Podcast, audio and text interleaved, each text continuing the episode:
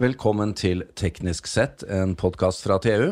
Eh, Mitt navn er Jan Moberg, og jeg sitter her med Odd-Rikard Valmot. Hei, Jan. Fortsatt i glasshus hos DNB i Bjørvika på er Telekom-konferansen. Yep. Vi har kommet til podkast nummer fem i rekken herfra. det har vi. Og nå, Odd-Rikard, skal vi snakke om et tema som eh, jeg vet er veldig du er veldig opptatt av, Ja. nemlig mobiltelefoner. ja veldig. Ja, veldig. Og av de 686 favorittemaene dine, det er nemlig opp to fra tidligere, jeg skal komme til det en annen gang, så er det ganske mange mobiltelefoner. Hvor mange har du hatt? eh, Vi, nei, vet du hva, det har jeg ikke peiling på. Ja. Par hundre. Noe sånt, tenker jeg. Ja. Innom, i hvert fall. Og øh, vi skal jo ikke snakke om selve hardwaren i dag, da, men øh, vi skal snakke litt om bruken. Kan du huske huske første gangen du liksom ble Ja, jeg husker jo min sånn første opplevelse? mobiltelefon. Det var jo en Motorola Mikrotak. Mm. Eh, analog. Eh, det, var jo ba, altså, det var jo bare en telefon uten ledning, Jan. Ja. Det var jo Det var knapper og et, en litt skjerm. ja. Men det var jo, det var jo bare det var, det var jo ikke noe mer enn en telefon. Men det var flott. Bruker du mobiltelefonen din mye nå, da? Uh, ja Hem, hem, hem, hem.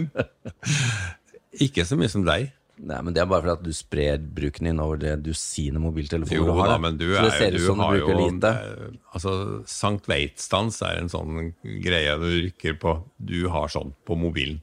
Nei, det er bare noe du ser i høyre høyre Det, er- det, er, min diag det er min diagnose, Jan. Men nå har, vi, nå har vi fått en kapasitet på området. Ja. Nemlig en professor fra Institutt eh, for medier og kommunikasjon ved Universitetet i Oslo, Trine Syvertsen. Velkommen. Hei. Takk. Jeg, dette er du opptatt av, og jeg vet at du leder et forskningsprosjekt eh, angående type mobilavhengighet. Mm. Da må du fortelle oss. Ja, det, det prosjektet jeg leder, det handler eh, om folks forhold til mobilen, og folks forhold til å være på nettet. Og så handler det om folk som prøver å koble seg fra, folk som prøver å regulere, folk som syns de er for mye på mobil og nett. Og jeg er ganske vant til å høre sånne samtaler som de mellom dere. Ja, ja. Fordi ofte når vi spør folk om dette, så kommer er det? Ja, så kommer det 'hvem er verst', og så kommer det ofte mellom partner og i familier. Eh, ganske heftige diskusjoner, og mm, moralen kommer fort fram i dette spørsmålet. Hvem bruker mobil mest, og om man er for mye på mobil. Men hva skal forskningsprosjekt Altså For det første, hva heter Prosjektet har jo et stort navn, det kan jo Mm, være jeg kan si navnet. Ja. Den, eh, prosjektet det heter på engelsk 'Ambivalent Users Intrusive Media and Digital Detox'. Altså ambivalente brukere, eh, invaderende medier og digital detox. Så det handler da om både om bransjen, altså hva som gjør at folk føler seg avbrutt og invadert. Så handler det om at brukere er ambivalente og ofte i tvil om de bruker Ja. det for mye. Og Ja. sånn. Og så handler det da om folk som tar en pause, en frakoblingspause, en digital detox. Og da er det viktig å fortelle at her tar dere jo ikke innover dere dette med fake news og, Mm. og politisk reklame og den Det er en annen dimensjon, Ja, men de kommer ja. jo samtidig. Ja, det grenser litt over Ja. i hverandre, fordi vi ser vel en sånn økt type kritikk da, av tendenser i samtida. Alle vet Når internett og mobiltelefoner kom, liksom, så var det jo veldig mange som tenkte at dette ville skape en bedre verden. og Skape demokrati og skape likhet. Og, og det er klart det er mange som fortsatt tenker sånn, men nå er det liksom, de der mørkesidene kommet mye mer fram. Da, og dette er liksom en av de. At folk kanskje kan oppleve teknologien som, som avhengighetsskapende. Men, men eh, jeg tenker jo på mobilen som et sånt multiverktøy. Sant? Det er jo ikke bare en telefon lenger. Det er, det er det du leser på, og det du manøvrerer med. Og det, altså, det har så mange funksjoner.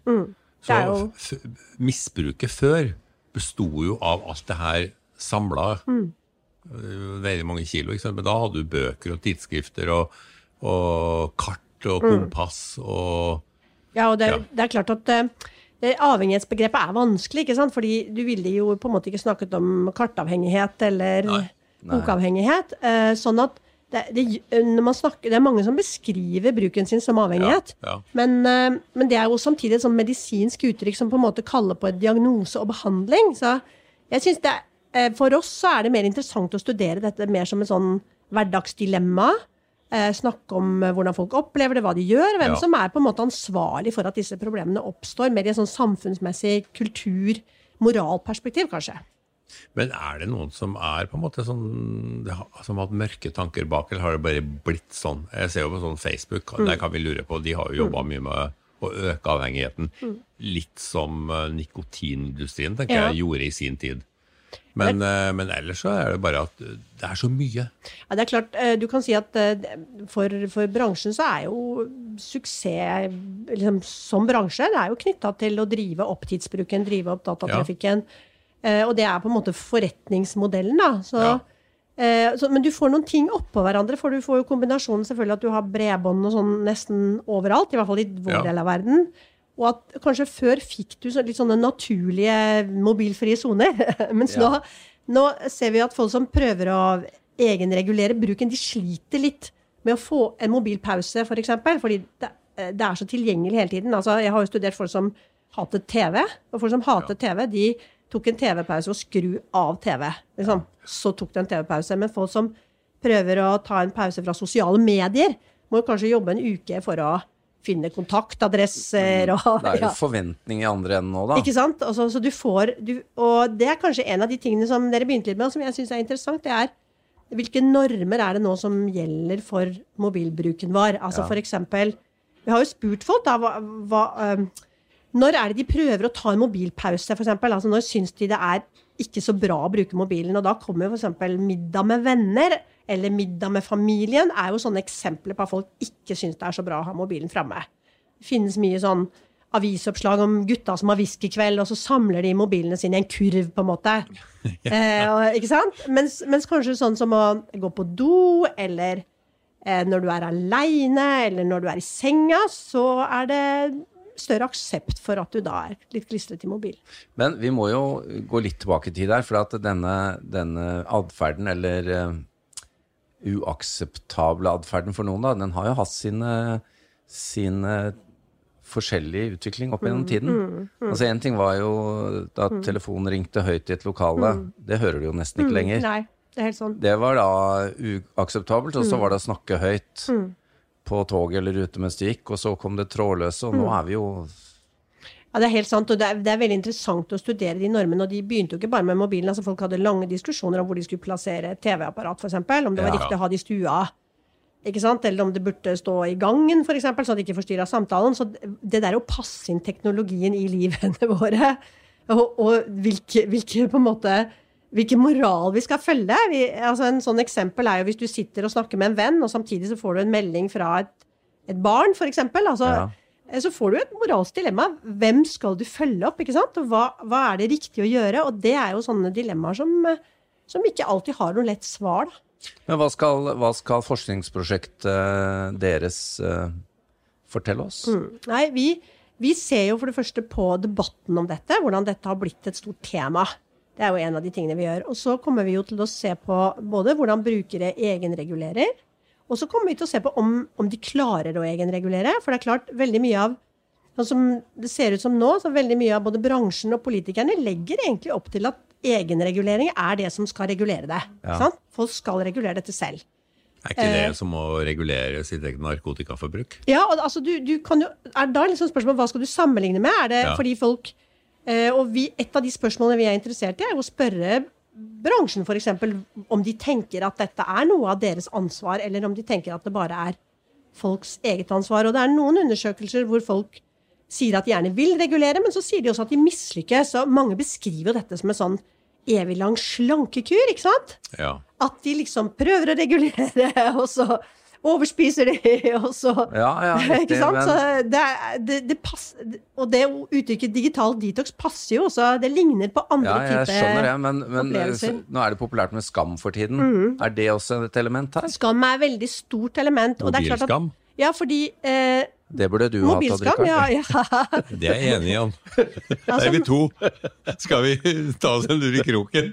Altså der etter kjøtt, etter kjøtt og fly, så kommer mobilskammen. Men, men jeg syns det er interessant at mange brukere legger veldig stort ansvar på seg selv for Ja. ting som kanskje mange opplever som de kanskje ikke har et så stort individuelt ansvar for, og da uttrykker skam når de ikke klarer å regulere. Og det kan hende at det å hvis det å være en vellykket regulat, måte å regulere på blir et sånn Ikke sant? Det blir et eksempel på om du er vellykket eller Ja, mislykket. At du har kontroll, ja. Ja, og at du skammer deg eller ikke skammer deg, liksom. Men du, det jeg så veldig tydelig når, øh, når det ble god mobildekning i T-banetunnelene, det er at nå sitter jo nesten alle og titter ned i mobilen sin under hele turen. Det, er, øh, det er veldig sjelden å se noen som leser i bok.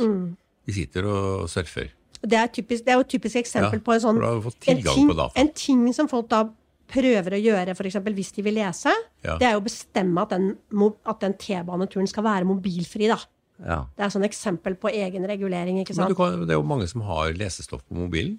Ja, det er det jo selvfølgelig. Og det, Ja. vi kommer jo tilbake igjen og igjen at dette er jo ekstremt nyttige um, Altså, en, en sånn måte å teste avhengighet på kan jo være å spørre folk blir du nervøs når du ikke vet hvor mobilen din er. ikke sant? Og da svarer veldig mange ja.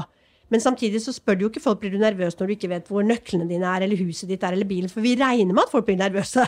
Da, det betyr jo ikke at du er avhengig, på en måte, hvis du skjønner hva jeg mener. Nei, men jeg har jo sånn Finn mobilen din fra klokka, ikke sant? Ja. Og det bruker jeg jo ofte. Ja. ja så det, det, men folk, det er interessant, syns vi, da, at folk snakker om dette på en sånn måte som om det er knytta også til hva, Ja. hva som er verdiene våre. Hvordan Men er det riktig å leve sammen, og hva er moralen er jo vi lever etter? eh, En mobiltelefon i dag eh, inneholder jo hele spekteret fra ren underholdning til Mm. eh, jeg holdt på å si betaling og livsnødvendig funksjonalitet. Så det er jo litt vanskelig å skjære alt over én kam òg. Ja, og jeg tror det, det er jo Jeg er helt enig i det. Og det er klart det, er jo, det gjør også de som forsøker å ta en sånn mobilpause. De er jo også veldig nyansert, ikke sant. Og Ja. de peker jo også på hvor nyttig mobilen ofte er, og at det er derfor det er vanskelig. Men jeg synes En ting som folk beskriver, er sånne sjekkeløyper. Altså det er et nyord som vi bruker. Og Det er ikke Tinder, altså. Nei, det er ikke på Tinder. Sjekkeløypa di, det er, det er som sagt et norsk ord vi har laget, og det betyr den lille løypa du går gjennom når du tar opp mobilen. ikke Ja. sant? At du går kanskje fra Yr til VG til Facebook til jeg vet ikke, det, Dere har sikkert deres egen sjekkeløype. Ja, ja. Og folk beskriver at det er lystbetont i fem-ti minutter, men en halvtime etter så er de igjen tilbake på Yr. For fjerde gang for å sjekke helgeværet, og det har ikke forandra seg. ikke sant? nei, nei. Eh, sånn at da er du inne i en mer sånn eh, litt mer sånn tvangsmessig atferd som ikke er lystbetont, og ikke er så nyttig for deg heller. Og de som studerer hvordan folk leser nyheter, jo konkluderer at folk gikk fra liksom å lese nyheter mer for å finne ut hva som skjedde, til og mer sånn at hele tiden sjekker. Så det, det, er, det er noen nyanser i det der, da. Men tror du, er det behov for å tone ned forbruket? Og spesielt tenker jeg på barn, altså. Fordi de kommer jo inn i det her med spill. Det er jo spill som er viktigere for barna enn å snakke. Altså det er, Um jeg er så tidlig i dette prosjektet og har egentlig tenkt å holde meg litt sånn unna akkurat å svare på det spørsmålet, om man bør tone ned eller ikke, og heller kanskje se på hvordan folk selv beskriver dette dilemmaet. Fordi det er klart, eh, det er vanskelig, som vi har snakket om, å snakke om en bestemt tidsgrense, nettopp fordi at mobilen inneholder så veldig mange ulike ting. Ja, og folk er, er forskjellige i ja, og det er situasjonsbestemt om det er nyttig eller ikke. Så, men eh, vi er, det er jo et kjempeinteressant spørsmål, og det kommer nok til bare til å bli mer debatt om det. Og så har vi jo selvsagt noen avgrensninger. Det er, Mm. det er jo forbud mot å bruke mobilen i bil, f.eks. med Mm. å sende tekstmelding og gjøre andre ting. Eh, De forsøkte seg på flyet, Odd Rikard, Mm. og si at den skulle være slått av. Eh, Kan vi forvente oss, tror du, noen flere sånne områder? Ja, det, men det er allerede på gang. Det er veldig mange hva skal vi si, institusjoner, kulturarrangementer, bedrifter Ja. som regulerer det. Har, vet ikke om dere har sett en, det er en sånn pose som heter Yonder. Hvor du kan, hvis du er på en konsert, f.eks., Ja. så blir du bedt om å legge mobilen din i en pose, og blir den låst. Ja. Eh, Det er mange konsertarrangører, standup-komikere, en motevisning som forbyr mobiltelefoner. Eh, ja, men det er fordi du har mulighet til å produsere ditt eget Det er både for at du kan eh, ja, lage innhold. piratoppslag, men det er også fordi at eh, de vil ha konsentrasjon. Ja. Og vi har jo på skolene har vi jo mobilhotell, ikke sant? Eh, sånn at det er, det er det, Vi ser det som en ganske stor tendens, at det, og det er mobilfrie møter. Og jeg har jo også sett på sommerleirer som er mobilfrie, ikke sant? hvor du da må legge mobilen inn i et låst skap når du kommer. Og, Problemet med det hos oss og Richard, ville vært at de skapene måtte vært så store at du også hadde fått plass i det skapet. Ja. Og du i naboskapet. ja, ja, ja, kanskje det. Uh, Vi får komme Men- ut av skapet, dere får komme ut av skapet med mobilen deres. Hvor, hvor, hvor eh, langt har dere kommet i prosjektet? da? Dere, dere, dette er regner jeg med er basert på intervjuer og Ja, vi har jo akkurat startet. Ja. Eh, vi har hatt et pilotprosjekt som har vært eh, finansiert av eh, Statens Medietilsynet, men nå er vi på en måte i gang med det store prosjektet. Og det har vi bare holdt på med noen måneder. Så dette, disse intervjuene og disse dataene her er delvis basert på ca. 60 personer vi har snakket med så, Så langt. langt, ja. Ja. Og statistikk og data og undersøkelser som er gjort internasjonalt. Så vi regner med å finne ut mer etter hvert. Avslutningsvis, kan du avsløre noe så langt om hva disse 60 har Ja, jeg tror det, fortalt? det som er veldig, som veldig sterkt kommer opp som det folk opplever som et problem, det er det som heter, på en måte er tilstedeværelse. Folk Ja. opplever at tilstedeværelsen deres er mer forstyrret. Og de opplever at det er vanskeligere å være til stede med folk rundt seg, i naturen, eh, her og nå hvor de befinner seg. Eh, og at det er noe som mange opplever som en slags falsk verden. da. At de på en måte blir rykket ut av det de opplever som en ekte verden, og det er jo interessant. Må lage en app for det, han. Ja, lage en app for det å være til stede. Ja. Men eh, Odd-Rikard, her er det spørs om ikke du og jeg får gå i oss selv litt. Grann. Ja. Jeg er, for jeg, er redd, jeg er redd for hva vi finner, ja. Dere kan komme og være forskningsobjekter. Det kan vi gjøre. Guinea- gu- Vi er fødte guinea pigs. er tror du det er lov for en sjef å donere en medarbeider til et sånt prosjekt? Nei, det tror jeg ikke. Trine Syvertsen, tusen takk. Dette er jo veldig spennende, og vi gleder oss til å høre mer om prosjektet når det er ferdig. Ja, takk for at jeg fikk komme. Ja, det her er Og lykke til med egenreguleringen. jo, takk. Jeg tror løpet kjørt her.